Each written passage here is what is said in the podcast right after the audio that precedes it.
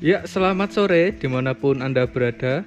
Eh, kami dari podcast 958 datang menghibur Anda sekalian di sore hari ini sudah indie banget hawanya sore kopi dari Semapan dan background kedai kopi.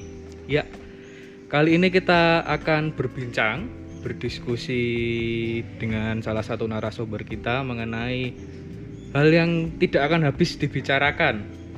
Ada yang bilang ini konspirasi, ada yang bilang ini gejala penyakit wabah yaitu COVID-19. Di samping saya ada narasumber dari Dr. Sony. Selamat sore, Dokter. Selamat sore. Ya. Sore hari ini kita akan mendiskusikan mengenai tentang COVID-19 dan anak-anak PPA. Bagaimana kita bisa beradaptasi, mengenali gejala dan bagaimana kita mengantisipasi dan dalam menghadapi new era ini. Oke, pertama Oke. saya akan tanyakan kepada Dokter Sony sebenarnya Iya. di Gimana? era yang sekarang ya dok Kudus kota Kudus kita terutama kan kita sudah menghadapi zona merah kemarin yang saya dengar dengan kasus hampir ratusan bahkan hampir ribuan. Nah eh, kita juga bimbang mengenai soal pendidikan dan aktivitas mobilitas sehari-hari ekonomi. Jadi apa yang sebenarnya bisa kita lakukan sebagai masyarakat umum ya mobilitas dalam bermobilitas sehari-hari untuk beradaptasi di new era ini? Karena ketika kita melihat kasus semakin kasus covid semakin marak semakin banyak ditambah dengan roda perekonomian harus terus berputar yang secara tidak langsung memaksa kita untuk tetap beraktivitas. Jadi membuat kita untuk harus lebih beradaptasi. Nah ini yang ingin saya tanyakan kepada dokter Sony. Oke, eh, jadi gini Minghan, untuk zona merah di Kudus kira-kira eh, teman-teman PPA dan juga mungkin orang tua murid dari PPA sendiri tidak perlu khawatir. Eh, asalkan kita bisa melakukan eh, mengikuti pemerintah adaptasi kebiasaan baru, pencegahan dan juga mungkin deteksi dini terhadap faktor-faktor resiko yang berperan terhadap COVID-19 ini sebetulnya.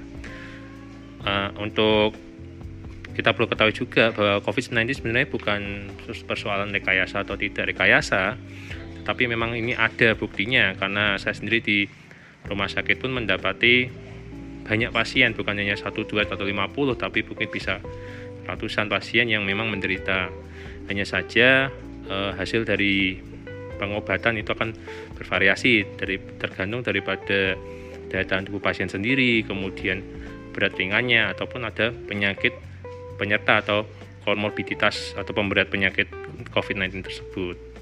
Hmm, ya jadi pemirsa sekalian ya atau pendengar-pendengar dari 958 podcast bahwasalnya penjelasan dari dokter Sony COVID-19 di keadaan dari keberadaan COVID-19 ini memang benar adanya dan patut kita waspadai ya dok ya. Iya, kita perlu waspadai tetapi juga tidak perlu terlalu khawatir karena pemerintah sudah menyiapkan berbagai macam cara dan kita sebenarnya lebih baik mengikuti pemerintah untuk Ya.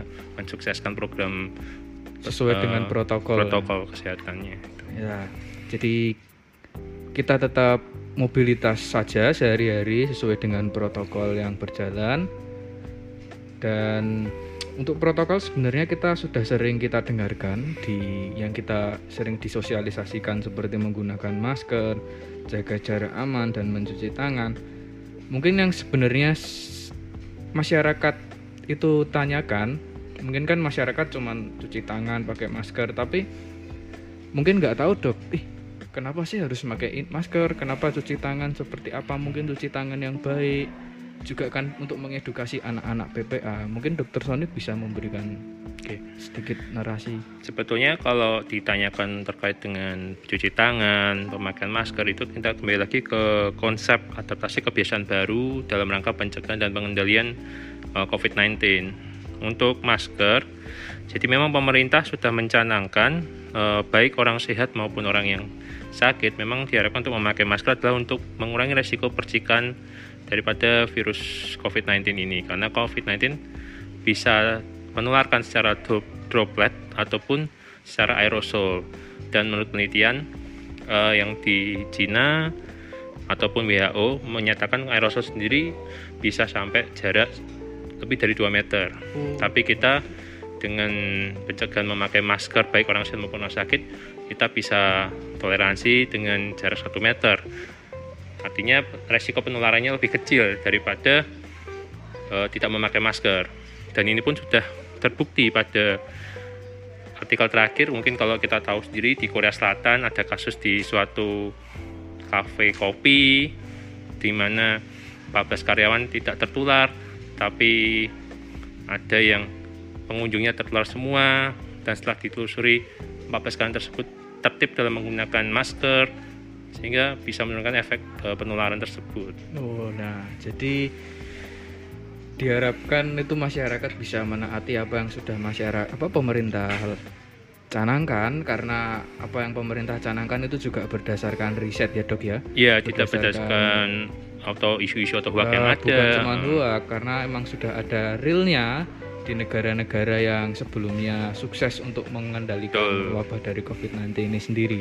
Nah, jadi buat anak-anak PPA terutama bisa ketika keluar rumah atau sepulang dari beraktivitas bisa mencuci tangan, segera mengganti bajunya dan menerapkan jaga jarak, social distancing dan lainnya. Mungkin ya perlu tambahkan ya Minghan. Jadi kalau cuci tangan juga tadi saya belum uh, menjelaskan detail. Jadi kalau cuci tangan sih memang diharapkan mengikuti uh, eh, WHO ya. Jadi di WHO kan ada lima momen dan enam langkah cuci tangan sehingga itu yang kita terapkan. Atau kalau kita tidak mau bingung apa itu lima momen dan sebagainya kita bisa cari di Google atau di macam berbagai macam artikel tapi untuk gampangannya aja jika kita memang keluar dari rumah atau bersentuhan dengan uh, dunia luar atau orang lain memang disarankan cuci tangan uh, tidak hanya untuk di telapak tangan tapi juga bisa bisa punggung tangan, sela-sela jari ataupun ibu jari seperti itu. Dan yang terlebih penting memang untuk pakaian itu memang disarankan untuk uh, ada ganti atau mengganti pakaian. Jadi misalnya kita pergi ke mall lebih baik pada waktu masuk kita langsung ke mungkin ke uh, tempat cuci tempat pakaian, cuci kita langsung ganti yeah. sehingga atau mandi bahkan dengan yeah. keramas sehingga kita bisa menular mengurangi resiko penularan seperti itu. Nah, jadi ada prosedurnya. Cuci tangan nggak asal langsung cuci tangan selesai. Juga dan satu poin yang saya perlu garis bawahi dari dokter Sony bahwa dengan adanya internet ya artikel-artikel dan berbagai macam itu sebenarnya mempermudah kita dan ter terutama mempermudah pemerintah juga banyak menggebu-gebukan tentang new normal kan di internet juga dari sosial media yang itu. Artinya sebenarnya di era new normal ini harusnya kita lebih bisa lebih adaptif dengan adanya internet tadi sendiri jadi kita gunakan handphone, gadget dengan bijak, bukan cuman buat stalking atau main game doang ya dok ya. Iya. Yeah. seperti itu. Oke, kita lanjut ke poin kedua tadi. Setelah kita membicarakan adaptasi, berikutnya kita lebih ke yang ingin kita diskusikan mengenai pencegahannya, terutama terkadang kan ada kasus-kasus yang kita dengar di masyarakat isu-isu bahwa gejala ada yang reaktif ada yang positif atau bagaimana itu ada yang juga tanpa gejala. Mungkin kan masyarakat juga belum tidak semua masyarakat itu mencari-cari oh di internet oh ternyata yang seperti ini. Mungkin kita dokter bisa mensosialisasikan kepada anak-anak PPA jadi uh, saya ingin menjawab isu tentang rapid test lebih tepatnya ya. Jadi uh, untuk PCR uh, untuk tindakan COVID-19 ini lebih tepatnya dengan memakai PCR. Jadi uh, PCR itu nanti dari hasil swab yang ada di tenggorokan kita atau nasofaring orofaring itu nanti akan diperiksa di alat dan itu hasilnya akan menimbulkan reaksi positif atau negatif. Sedangkan kalau rapid test itu hanya modelnya reaktif atau non reaktif dan perlu diketahui bahwa COVID-19 ini memiliki masa inkubasi. Jadi sejak kita terkena pertama kali virus tersebut, virus itu akan ber beradaptasi dengan tubuh kita.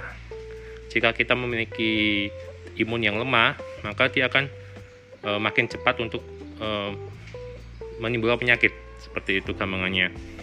Nah, untuk e, rapid test sendiri ini mendeteksi antibodi yang memang munculnya biasanya belakangan karena ada eh, mungkin kalau pernah lihat di artikel ataupun di penyampaian dari Dr. Erlina Burhan salah satunya yang saya dapat mereka memiliki masa inkubasi sekitar tujuh hari lebih jadi baru muncul antibodinya itu pada hari ke 7 atau ke 10 jadi kadang memang itu tidak bisa dijadikan patokan untuk eh, bahwa pasien itu akan pasti positif atau negatif data COVID. Bahkan di Jogja sendiri di UGM saya baca ada satu pasien yang sampai pulang pun hasil PCR-nya masih positif. Jadi ada 14 kali tetapi pasien itu dipulangkan.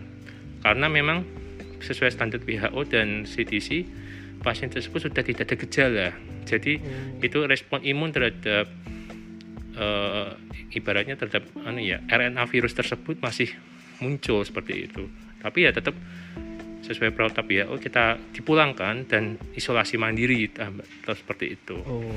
Nah untuk jadi masyarakat tidak perlu resah kalau misalnya dinyatakan rapid positif eh, reaktif maksud saya ataupun non reaktif.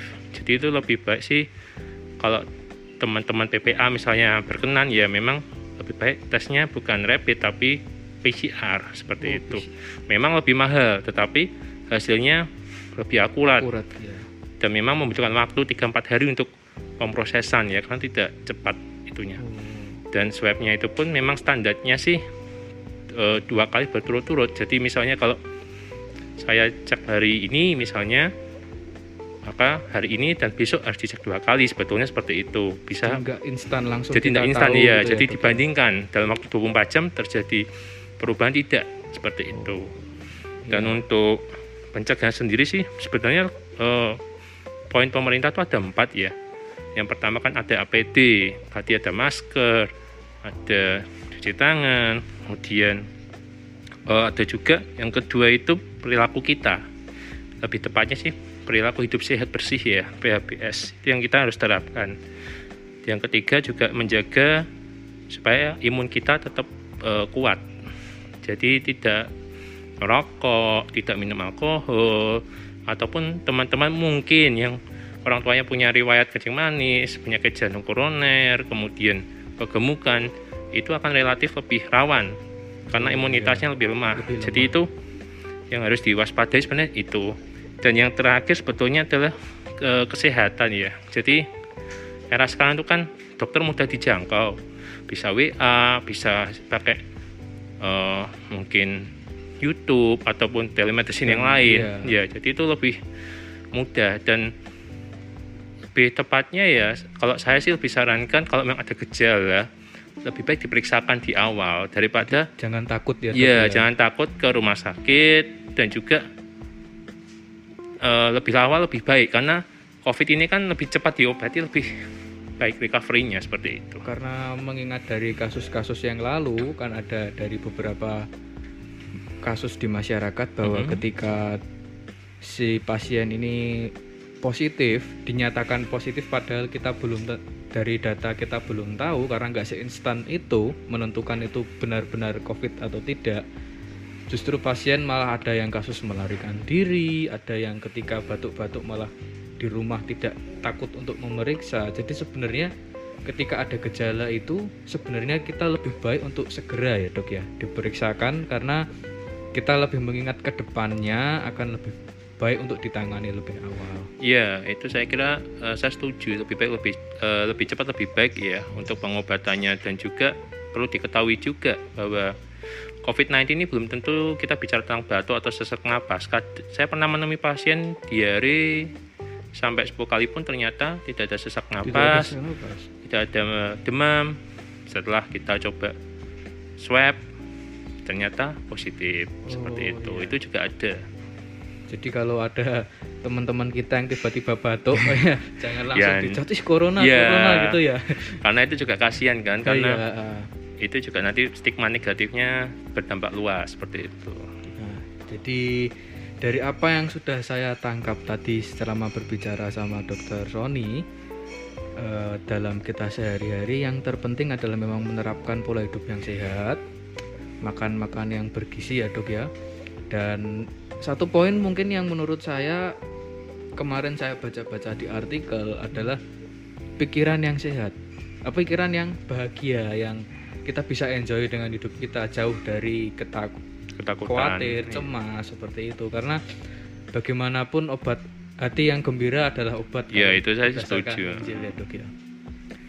Ya, itu tadi yang kita bicarakan seputar gejala dan mungkin tambahan sedikit ya mungkin kalau teman-teman khususnya anak-anak PPA ya karena banyak yang di bawah umur 15 tahun mungkin ya eh, saya sih lebih menyarankan untuk mengkonsumsi banyak vitamin C ya. Vitamin C itu bisa yang bisa bentuk vitamin pil ataupun mungkin dalam bentuk buah seperti jeruk atau anggur dan sejenisnya yang mengandung vitamin C. Tentunya saya kira banyak di artikel-artikel yang kita bisa baca. Karena vitamin C memang sudah atau vitamin D bahkan vitamin D pun bisa kita dapat melalui matahari pagi antara jam 8 sampai jam 10 itu juga bisa meningkatkan imunitas Oh. jadi kalau saya sih lebih sarankan lebih yang alamiah dulu baru nanti kalau memang tidak berhasil ya baru bisa berobat ke dokter seperti itu Oke, itu tadi yang kita bicarakan. Berikutnya mungkin juga saya ingin tanya dok, semisal mungkin saudara kita berkaitan masih soal tadi ya, soal mungkin ada tanda-tanda bahwa saya batuk. Ya. Kan kita belum tahu batuk ini, oh ini batuk batuk cuman batuk flu atau ada peluang menuju ke COVID tadi.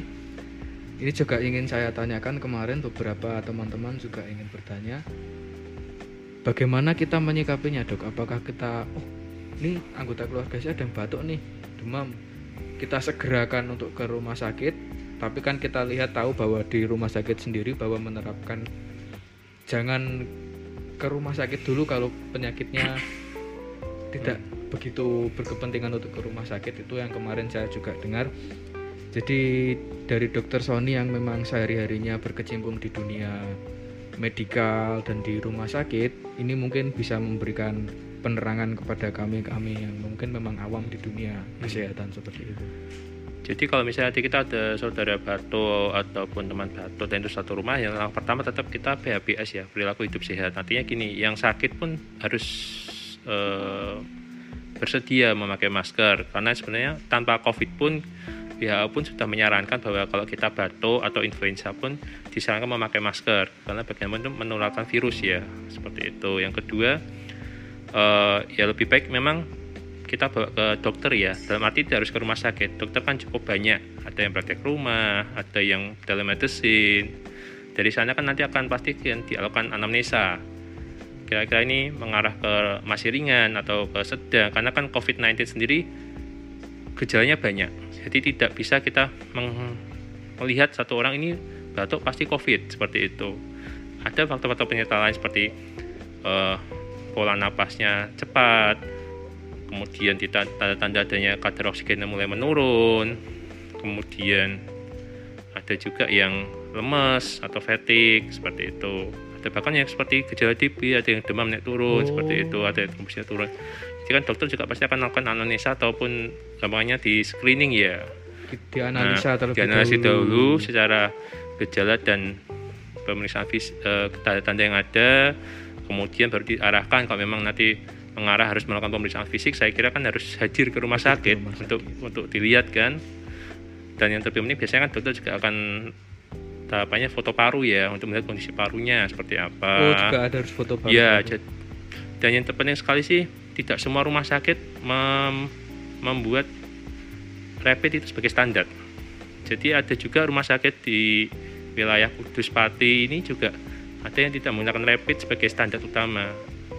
Jadi Berarti- dari gejala anamnesa, kemudian dari pemeriksaan fisik, ada juga terus kemudian pemeriksaan radiologi itu lebih akurasinya lebih tinggi daripada eh, rapid test seperti itu. Karena sendiri saya, saya sendiri mendapati banyak yang rapidnya non reaktif ternyata positif Oh seperti itu. berarti berbeda ya. Ya, jadi tidak bisa kita melakukan stigma yang atau meratakan semua opini ya bahwa rumah sakit pasti akan melakukan rapid test. Tidak, kan ada rumah sakit yang datang diperiksa, kemudian oke bu ini kita cek darah rutin, foto paru, kemudian ada juga mungkin CT scan paru, baru mengarah ke swab ataupun swab, kemudian bisa melakukan diagnosa COVID, Covid. seperti itu. Iya, jadi ada banyak cara ya dok yang bisa Iya. dilakukan dan yang paling penting adalah konsultasi sebenarnya.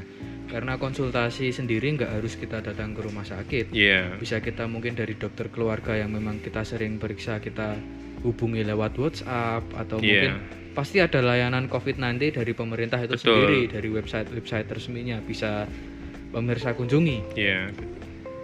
Nah, oke berikutnya dokter mungkin untuk sedikit tambahan di penghujung podcast pada sore hari ini, mungkin dokter Sony bisa memberikan pesan atau mungkin sedikit arahan buat penonton-penonton 958 podcast atau pendengar 98 podcast ini di era new normal karena dari dunia medis sendiri mungkin punya sedikit unek-unek atau keluh kesah yang ingin disampaikan kepada pemirsa sendiri jadi mungkin dari sini saya bisa menjembatani dokter untuk bercerita atau menyampaikan pendapat dari Ya ini mungkin sekaligus me- meluruskan mungkin opini atau huak-huak yang sering kali muncul di sosial media yang ada.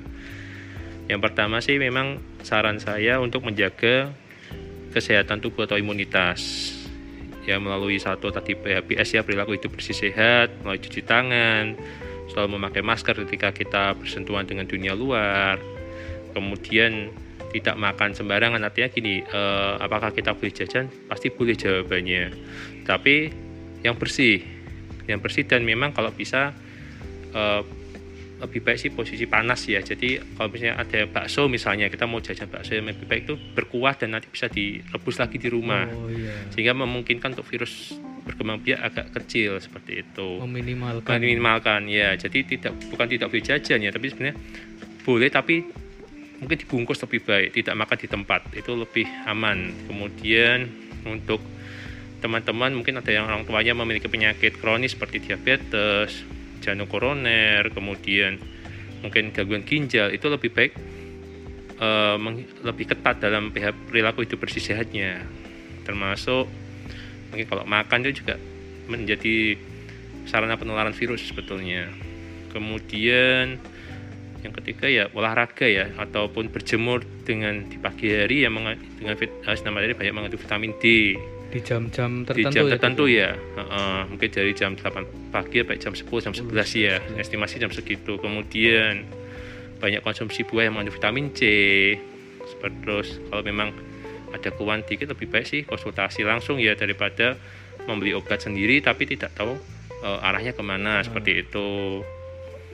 Terus kalau untuk huak misalnya dokter mengcovidkan mungkin. Eh, yang nah mana lagi hangat ini diperbincangkan konspirasi eh, atau konspirasi. enggak? Ya kan kadang kemarin- sebetulnya ya itu tidak tepat juga ya karena untuk menimbulkan untuk menimbulkan diagnosa COVID itu kita tidak mudah karena harus menunggu hasil swab.